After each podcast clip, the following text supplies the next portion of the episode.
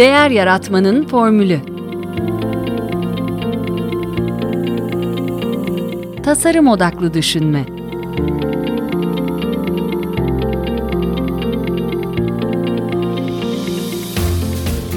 Merhaba, ben Mete Yurtsever. Değer Yaratmanın Formülü Podcast'in ev sahibiyim. Bu hafta yine sizinle bir e, yıl değerlendirmesi hakkında konuşmak istedim. E, buna taktın diyeceksiniz. E, evet taktım gerçekten çünkü hakikaten e, bu dönüm noktalarının bir e, fırsat olduğunu e, düşünüyorum ve genelde hepimize bana da e, inanın bana da çok zor geliyor e, oturup e, derin düşünmek, bir şeyin muhasebesini yapmak, geriye doğru e, bakmak, e, onlardan sonuç çıkarmaya çalışmak. Bu gerçekten çok zor. Yani e, hepimiz üşendiğimiz kadar var e, buna gerçekten. Çünkü e, beynimizi zorluyoruz. E, bazen hoşumuza gitmeyen şeyleri düşünmek zorunda kalıyoruz. E, ama e, şu da bir gerçek ki e, zaman çok çabuk geçiyor ve e, hep e, yani şunu da söylüyorum. E, hiçbir şey için geç değil ama e, giden zamanında telafisi yok. Dolayısıyla e, bir bakıyorsunuz e, elinizdeki bir problem e, bir ay sonra da beş ay sonra da sizin e, kucağınızda veya omzunuzda, sırtınızda duruyor. E, bunu bir kesip atmak lazım. Bunları e, gerçekten e, e, halletmenin bir yoluna bakmak lazım. E, bunun için de işte bu e, dönemler sırf yani adı yıl sonu olduğu için değil ama isterseniz bunu e, Mart'ın 30'unda yapın. Birinci çeyrek sonunda e, hesap kapatan şirketler de var. Öyle şirketlerle de e, işbirliği yaptık, çalıştık. Dolayısıyla bunun bir zamanı yok ama en iyisi oturup e, böyle bir muhasebeyi e, yapacak bir zaman ayırmak. E, bu dönemde tabii biraz algıda seçicilik midir bilmiyorum. E, böyle paylaşımlar dikkatimi çekiyor. E, Dickie Bush e, adında bir e, içerik üreticisi var. E, Twitter'da takip etmenizi öneririm. E, gerçekten çok güzel e, paylaşımlar oluyor. E, o da e, oturup bir şey yapmış, bir çalışma yapmış. E, son zamanlarda kendisine bu sorduğu soruları hatta e, günlük e, tuttuğunu söylüyor bu konuda. E, bunları derlemiş ve bunları paylaşmış. E, hatta bunun da bir e, görselini e, görselleştirmiş e, bir başka bir e, içerik üreticisi. Onların da linklerini sizinle paylaşacağım. Ama isterseniz sorulara bakalım. Bu daha önce e, geçtiğimiz hafta yayınladığım bölümde de duyurduğum Year Compass adlı çalışma ya benzer tarafları da var. Ondan bir parça ayrışan tarafları da var. E, belki e, bu da hoşunuza gider. E, bir de böyle bakmak e, sizin için uygun olabilir. O yüzden bunu da paylaşmak istedim. Deki Bush birkaç e, soruyu bir araya getirmiş. E, ilk soru e, bu yılın önemli anları, anıları ve dönüm noktaları nelerdi diye sormuş. Bu aynen hatırladığınız gibi aslında bir önceki e, paylaştığım çalışmada da benzer böyle bir açık bir çalışma vardı, açık bir şey vardı. E, burada da e, yine bir şey ipucunu veriyor. Yani diyor ki işte aralarından seçerek her era için 3-5 not e, alın. E, ve bunu da sanki 20 yıl sonra geriye dönüp bakacağınız e, yılın e, özetini yazıyor, yazıyormuş gibi e, yapın diyor. E, dolayısıyla burada da yine e, aynı şeyleri önereceğim. E, dönüp e, Outlook'a bunları not alıyorsanız çeşitli toplantıları, çeşitli görevleri veya bunun not aldığınız başka e, defterleriniz varsa, ajandanız varsa, Evernote'a not alıyorsanız bunları dönüp şöyle bir taramak lazım kronolojik olarak e, sizi hatırlatacak şekilde. E, bunları ilk önce bir belirleyin. Çünkü bunlar sizin sonraki çalışmalarınız için aslında yine e, size bir e, veri tabanı oluşturacak bir anlamda. E, sonraki soru e, geriye dönüp baktığımda bana en çok enerji ve neşe getiren şeylerden hangileri e, bana en çok yak- kalbime en yakın yani en bana sevecen gelen şeyler ne? İşte bunlar nedir? İnsanlar, e, yerler, alışkanlıklar, görevler, deneyimler. Bunları şöyle bir düşünün. E, kimleri hakikaten görmek sizin içinizi açıyor, e, yüzünüze güller açtırıyor? Hangi insanları? Nereye gitmek? Şöyle bir yerde yürümek mi? İşte bebekle bir yürüyüş yapmak mı? Veya işte karşıya motorla geçmek mi nedir? Çok İstanbul odaklı oluyor. bunları e, düşünün ve soracağınız soru da şu. E, 2022'de bunlardan daha fazlasını nasıl yapabilirim? Yani nasıl bunlara daha fazla zaman ayırabilirim? E, sonra bunun yine tersini düşünüyoruz. geriye daha az e, sempatiyle, sevecenlikle baktığım, enerjimi tüketen ve yıl boyunca üzerinde ağır olan, ağır yük olan şeyler nelerdi? E, kimlerdi? İşte insanlar, yerler, alışkanlıklar, görevler, deneyimler ve 2022'de bunlardan daha azını nasıl yapabilirim? Yani nasıl bu insanlarla daha az görüşürüm? Bu o yerlere nasıl daha az giderim? Bunları bir düşünün. Hakikaten e, nasıl bir takım kısa yollar ve bypasslar yapabilirsiniz? E, daha sonra yine önemli bir soru. Nasıl daha iyi bir nokta nokta olabilirim? Bunu kendinize göre doldurabilirsiniz tabii işte. Bir oğul veya kız, bir çalışan, bir yönetici, bir ortak, bir mentor, bir arkadaş, bir eş, bir baba tabii nasıl yani sizin için ne hayatta nasıl rolleriniz varsa öyle söyleyeyim e, hangilerine önem veriyorsanız bunların üzerine düşünebilirsiniz. Nasıl daha iyi bir oğul olabilirsiniz? Annenizi daha sık arayarak mı mesela? Onun hatırını sorarak mı? 2021'de en çok neye minnettarım? Burada diyor ki yıl, yıl boyunca minnettar olduğunuz şeylerin bir listesini tutmak ve e, yıl sonunda e, bunu gözden geçirmek e, bonus puan diyor. Yani bir şekilde böyle bir alışkanlığınız varsa zaten bu e, sizin için e, kolay olacaktır. Hep yani bu minnettar yani şükretmek e, çok çok önemli bir kavram. İnsanın e, sadece kendini iyi hissetmesi için değil, tabii ki bir şey için şükretmek, bunun için gerçekten bunun değerini vermek ve bundan mutlu olmayı e, sağlıyor. Yani beyin e, şükrederek e, pekala mutlu olabiliyor. İlla e, dışsal faktörlere ihtiyacınız yok. Sonra e, bir en iyiler listesi e, yapmamızı tavsiye ediyor. E, en iyiler listemde neler var bu sene? İşte kitaplar, etkinlikler, makaleler, podcastler, satın aldıklarınız, yeni alışkanlıklar. Ee, burada yine yabancılara bayılıyorum. Ee, şimdi oturup e, haftalık olarak bunları paylaşacağını da e, söylemiş e, bir tweetinde. Diyor ki işte 100 doların altında aldığım en iyi harcadığım para yani nelere gitti, neler satın aldım bunları paylaşacağım diyor. Ve mesela gidiyorsunuz o şeyde listede linke bir tıklıyorsunuz. Şöyle Amazon'un linkine bakıyorsunuz. Devamında bir Diki Bush şeyi görüyorsunuz orada. Bir şekilde bir affiliated yani oradan e, kendisine bir gelir elde edeceği bir şey. Bunları hiçbir şekilde saklamıyorlardı tabii zaten. Ama pekala e, sizdeki bu işi çok takip ediyorsanız, seviyorsanız e, onun e, size tavsiye ettiği bir şey de çok önemli bir hale geliyor tabii ki. Bu da işin küçük pazarlama trikleri. E, ama e, gerçekten e, bunlar öyle laf olsun diye paylaşılan şeyler de olmuyor zaten. Siz de zaten böyle bir şey paylaşmayacaksınız da kendiniz için yapacaksanız da veya çok yakın arkadaşlarınızla paylaşmanızın da tabii ki hiçbir zararı olmaz. Ee, bunu yapmakta fayda var. Ee, böyle bir en iyiler listesini.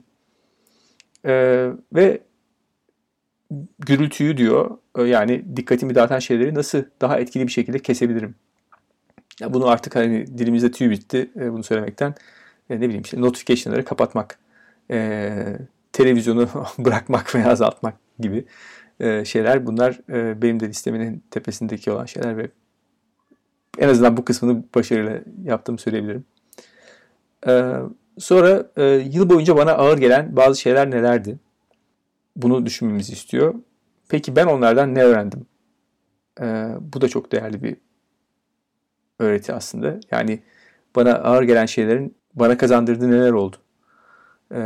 oradan hangi dersler çıkarttım kendime? E, sonra e, bir birey olarak nasıl e, büyüdüm, nasıl geliştim bu sene? E, kazandığım yeni alışkanlıklar oldu mu? Edindiğim yeni öncelikler oldu mu? Yeni tercihler yaptım mı? Ne tür tercihler yaptım? Ve e, yeni bakış açıları kazandım mı?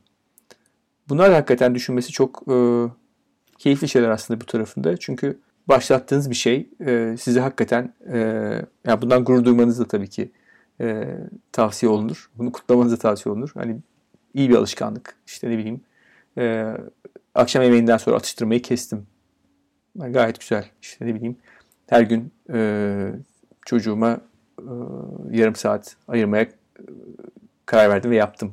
Bunlar e, hakikaten o artıları da e, bir kenara koymak lazım. Bunların pekişmesi için de sizi kendinizi takdir etmeniz de bunların pekişmesi için de e, çok gerekli. Sonrasında diyor ki e, hayatınızı şimdi bir de e, belli alanlara ayırıp e, her biri hakkında biraz daha derine inebilirsiniz. Bu da yine önceki Year Compass'te olan bir çalışma hatırlarsanız. İşte nedir? Herkesin kovaları var e, onun ifadesiyle. Bucket'ları işte nedir? Sağlıktır, zenginliktir yani servettir, ilişkiler, deneyimler, işte operasyonlar, işte yan iş, kariyer. Sizin için ne varsa hayatınızda ne tür e, kutularınız, kolileriniz varsa nelere içine yerleştirdiniz. E, bir onlara bakabilirsiniz. Sonra da her alanda e, şunu düşünebilirsiniz. Bu alandaki en büyük başarılarım nelerdi? Bunları belirlemek. Arkasından da yine güzel bir soru. Peki bu başarıya yol açan şeylerin %20'si nedir diyor. Burada sanıyorum şeye gönderme yapıyor. Bu meşhur e, Pareto oranına %20, %80 yani yaptığınız e, işlerin %20'si aslında e, onun etkisi bir şekilde %80'i e, buluyor. Yani işte bir şirketin e, sattığı ürünlerin %20'si satışların %80'ine getirir gibi bir mantıktan yola çıkmış, çıkmış bir şey. Biliyorsunuz bunu e, üzerine çok yapılan çalışma da var. Aksini söyleyen de var falan ama genelde böyle bir 20'dir 30'dur neyse bir oranın e, ciddi oranda bir e, konsantrasyon olduğu, bir yoğunluğa sahip olduğu söylenir. Burada da bu büyük başarıları getiren bu alanlardaki bu ilişkiler, iştir, özel hayattır. Oradaki insanların, rutinlerin, önceliklerin, ortamların %20'si ne? Böyle bir belirleme yapabiliyor musunuz? Yani bunlar sayesinde bu işler e, iyi gitti. E, böyle bir şey söyleyebiliyorsanız eğer bu alanlarda e, soracağım soru şu. 2022'de bunları nasıl iki katına çıkarırım? Peki sonrasında bu defa evet bu alanlarda, bu kolilerde, bu kovalarda e, en çok nerede nerelerde yetersiz kaldım? Hangisinde, hangilerinde? Ve yine benim yetersiz kalmama neden olan e, şeylerin %20'si nedir? En tepedeki, en etkili olan insanlar, rutinler, öncelikler, ortamlar. Ve tabii ki e, 2022'de bunları yapmayı nasıl durdurabilirim? Sorusunu sormak önemli. Artık geçmişin e, değerlendirmenin e, muhasebesinin biraz sonuna geliyoruz. Hayatımın en çok hangi alanı ilgi gördü? E, ve hayatımın hangi alanı en az ilgi gördü? E, diye iki soru var. Yani bunlar işte bir şekilde e, sizin iyi yaptığınız şeyler ve çok da iyi yaptığınızı düşünmediğiniz şeyler gibi de belki okuyabilirsiniz bunu. Ve zamanımı, enerjimi, dikkatimi e, doğru şekilde mi tahsis ediyorum? Yani bir şekilde e, bu hakikaten e, ilgi gören meziyetlerim, e, becerilerim ve e, hak ettiği kadar zaman, enerji ve dikkat ayırabiliyor muyum? Ve öbür tarafta tam tersi. Ve diyor ki tamam e, bu kadar geriye bakmak yeter. E, şimdi biraz daha e, böyle yaratıcı fikirlerin, cin fikirlerin e, uçuşmasını sağlamak için e, başka şeylere sor, sorular soralım. E, çok güzel temel bir soru. E, sürekli gelişmem için, e, yani gelişimimi sürekli kılmak için e, en büyük darboğaz nedir? Nedir hakikaten benim gelişimime engel olduğunu düşündüğüm şey hayatımda? Ve neden acımasızca onu çıkarmaya, hayatımdan çıkarmaya odaklanmıyorum? Neden o işi hakikaten birinci önceliğim yapıp e, bu işin üzerine gitmiyorum? Yani hakikaten işte e, İngilizce e, bilmemenizin e, size önünüze engel olduğunu düşünüyorsunuz. O zaman niye hakikaten her şeyi bir kenara bırakıp varınızı yoğunuzu, e, enerjinizi, dikkatinizi bu alana yöneltmiyorsunuz? E, bu herkes için eminim e, böyle hep aklına gelip gelip e, fakat ertelediği, ötelediği e, şeyler vardır. Yani kimisi ufak, kimisi e, büyük. E, belki İngilizce öğrenmek e, uzun süreçli bir çaba ama mesela benim için e, ne bileyim e, bir takım e, muhasebesel, finansal bir takım e, konularda e, iyi bir destek almak e, belki bir telefona bakıyor aslında.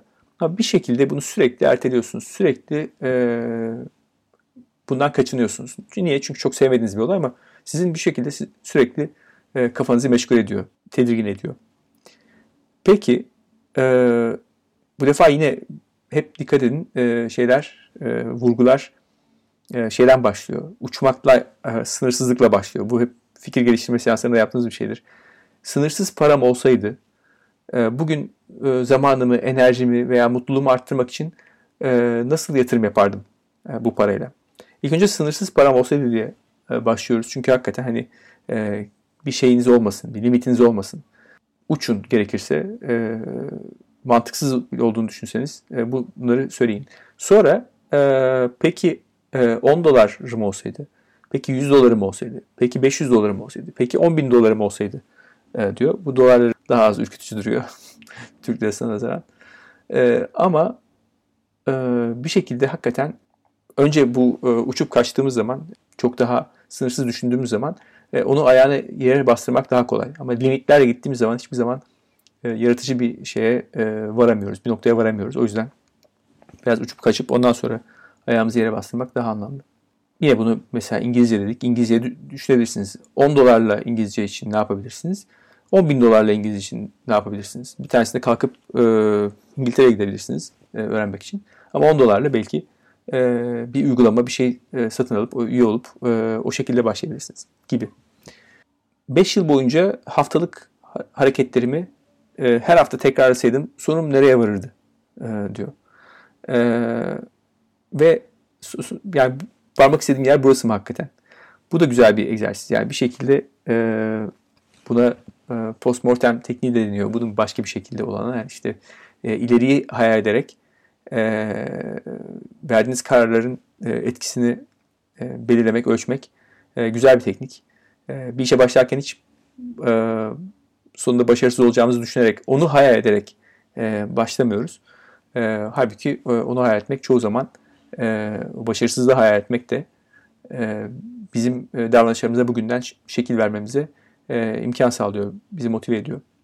Ve sonra James Clear'den e, alıntı yaptığı bir başka bir teknik, başka bir soruyu e, öneriyor. Diyor ki kariyerinizin bir oyun olduğunu hayal edin ve şu soruları sorun.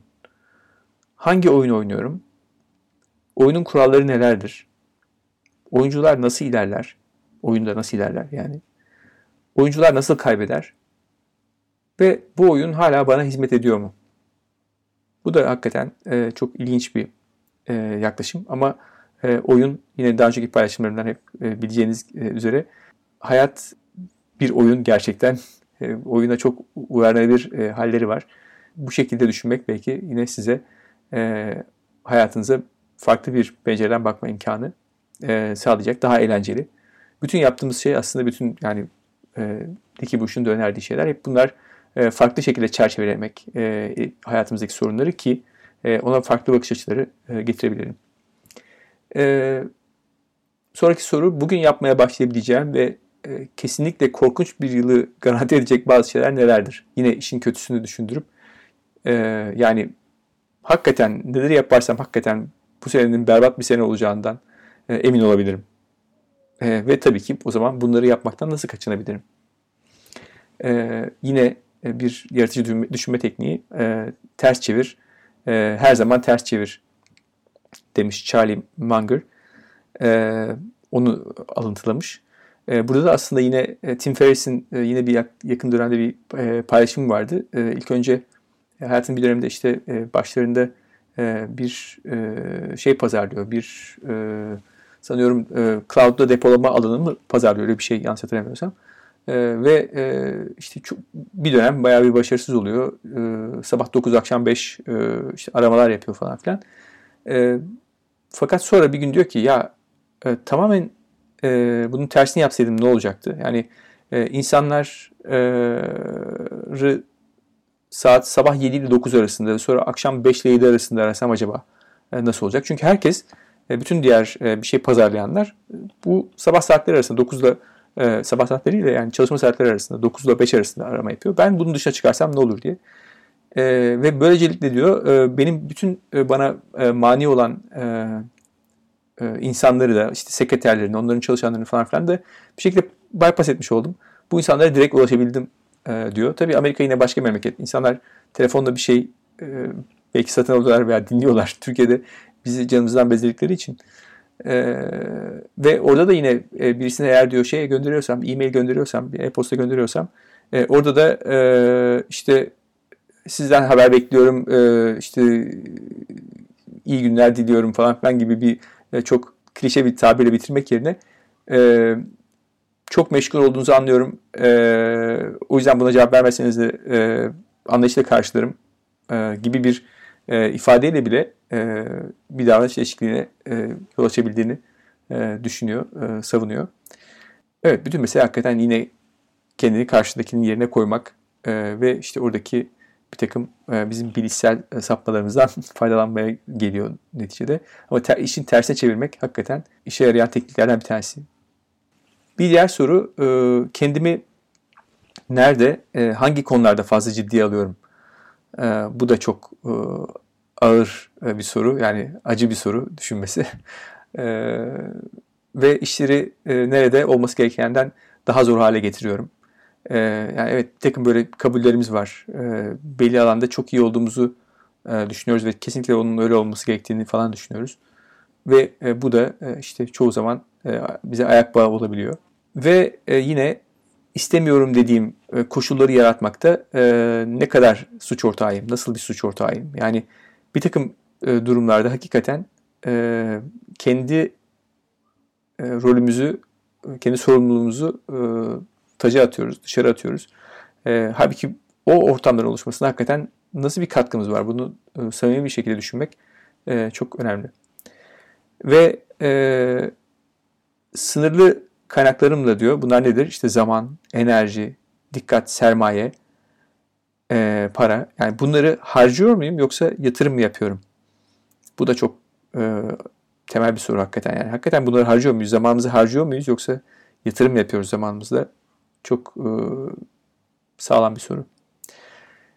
Yılın en zor 5 e, sohbeti diye çevirmek belki mümkün değil. Conversation yani işte yılın en beş en zor 5 e, konuşması neydi diyebiliriz. E, ve yani yaptığımız konuşma bu bir işte eşimizle, patronumuzla, çocuğumuzla olabilir herhangi bir şekilde. Ve şu anda e, kaçındığım 5 zor konuşma nedir? Hem kendimle hem diğerleriyle. Diğer bir soru şu anda beni en çok e, rahatsız eden şeylerden otomatikleştirebileceğim, ortadan kaldırabileceğim veya birine devredebileceğim e, neler var?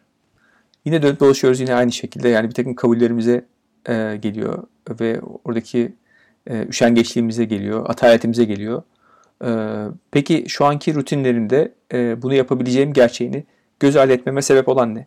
Yani ben neye inanıyorum da e, bu işi otomatikleştirebileceğimi düşünmüyorum. Veya ortadan kaldırabileceğimi veya başka birine devredebileceğimi düşünmüyorum. E, çok hakikaten önemli bir soru. Yine gelip olay e, zamanımızı, enerjimizi, dikkatimizi e, doğru yerlere kanalize etmemize gerektiğine geliyor. Ve e, son soru. E, 10 yıllık hedeflerime 1 yılda nasıl ulaşabilirim? Bu da meşhur Google'ın e, bu 10 çarpan e, tekniği. Yani e, bir şeyi e, şöyle azar azar bir geliştirme, azar azar iyileştirme değil, 10 kat e, iyileştirmek e, nasıl hedefleyebiliriz? E, bir e, yaptığınız her ne varsa e, onda az az bir e, gelişme değil 10 misli bir gelişme hedeflerseniz e, varacağınız yer belki 3 misli belki 4 misli bir şey olur. Gelişme olur ama bu kesinlikle %5, %10, %50 gelişmeden çok daha iyidir e, gibi bir bakış açısı. Ve e, benzer şekilde e, bu yılki bir yıllık hedeflerimin 10 katlarını nasıl elde edebilirim? Bu da enteresan. Yani e, kendinize bir yıl için koyduğunuz bir hedefi 10 misline nasıl çıkarabilirsiniz? E, çıkarabilir misiniz? Bunu düşünmek e, çok değerli. E, bu yine Objectives and Key Results tekniğinde de e, bildiğim kadarıyla yani okuduğum kadarıyla yine Google'da uygulanan bir şey. Yani hiçbir zaman e, o hedeflerin %100 erişilmesini e, beklemiyorlar. Bu çok normal karşılanıyor. E, ama siz e, koyduğunuz hedefe böylelikle çok daha yani işte ayı vuracak hedefler yapmaya çalışırsanız buradaki bütün dağları geçecek bir teknik geliştirebilirsiniz. E, aya varmaya çalışırken gibi. Evet bu şey, tavsiyeler bunlar. E, umarım gerçekten e, buna biraz zaman ayırıp e, konsantre olup e, üzerine birkaç saat düşünebilirsiniz. Arka arkaya birkaç gün belki bunu tekrarlayabilirsiniz. Ama hakikaten bu kadar zorlu bir çalışma sonrasında kendinizi istediğiniz bir şeyle ödüllendirin. İsterseniz bir sıcak çikolatayla, isterseniz bir şerbetli bir tatlıyla. Fakat onun manevi hazzı çok daha büyük olacaktır kesinlikle. Hepimiz e, belirsizliği hayatımızdan çıkarmaya çalışıyoruz. Evet bunu hiçbir zaman e, tamamıyla başaramayacağız ama e, bir kutup yıldızımızın olması, varmak istediğimiz bir hedefin olması kesinlikle e, çok daha huzur verici. Stresi azalttığımız zaman e, çok daha iyi şeyler başarabiliriz. Stres olduğu zaman e, o bütün yaratıcılığı, bütün farklılığı e, bastıran bir unsur. E, size şimdiden e, çok güzel bir e, yıl diliyorum. E, güzel bir kısa bir tatil diliyorum. 2022'de tekrar görüşmek üzere. Bu podcast'te tasarım odaklı düşünme çerçevesinde hem yurt içinden hem yurt dışından kimi zaman davranış psikolojisi üzerine bir akademisyeni, kimi zaman bir tasarımcıyı, kimi zaman bir iş insanını, kimi zaman da değişim veya inovasyon üzerinde firmalara destek veren bir danışmanı ağırlıyorum. Amacım Türkiye'de bu konulara farkındalık oluşturmak. Buraya kadar dinlediğinize göre sizin de bu konulara ilgi duyduğunuzu anlıyorum. Sizden ricam güzel bir esnaf geleneğini devam ettirelim. Bu podcast'ten memnuniyetinizi arkadaşlarınıza, eleştiri ve önerilerinizi benimle paylaşmanızı istiyorum. Sanıyorum bunu en kolay LinkedIn üzerinden yapabilirsiniz. Beni ve Değer Yaratmanın Formülü sayfasını bağlantılarınıza eklerseniz çok memnun olurum. Desteğiniz için çok teşekkür ederim. Tekrar görüşünceye dek sağlıkla kalın, hoşçakalın.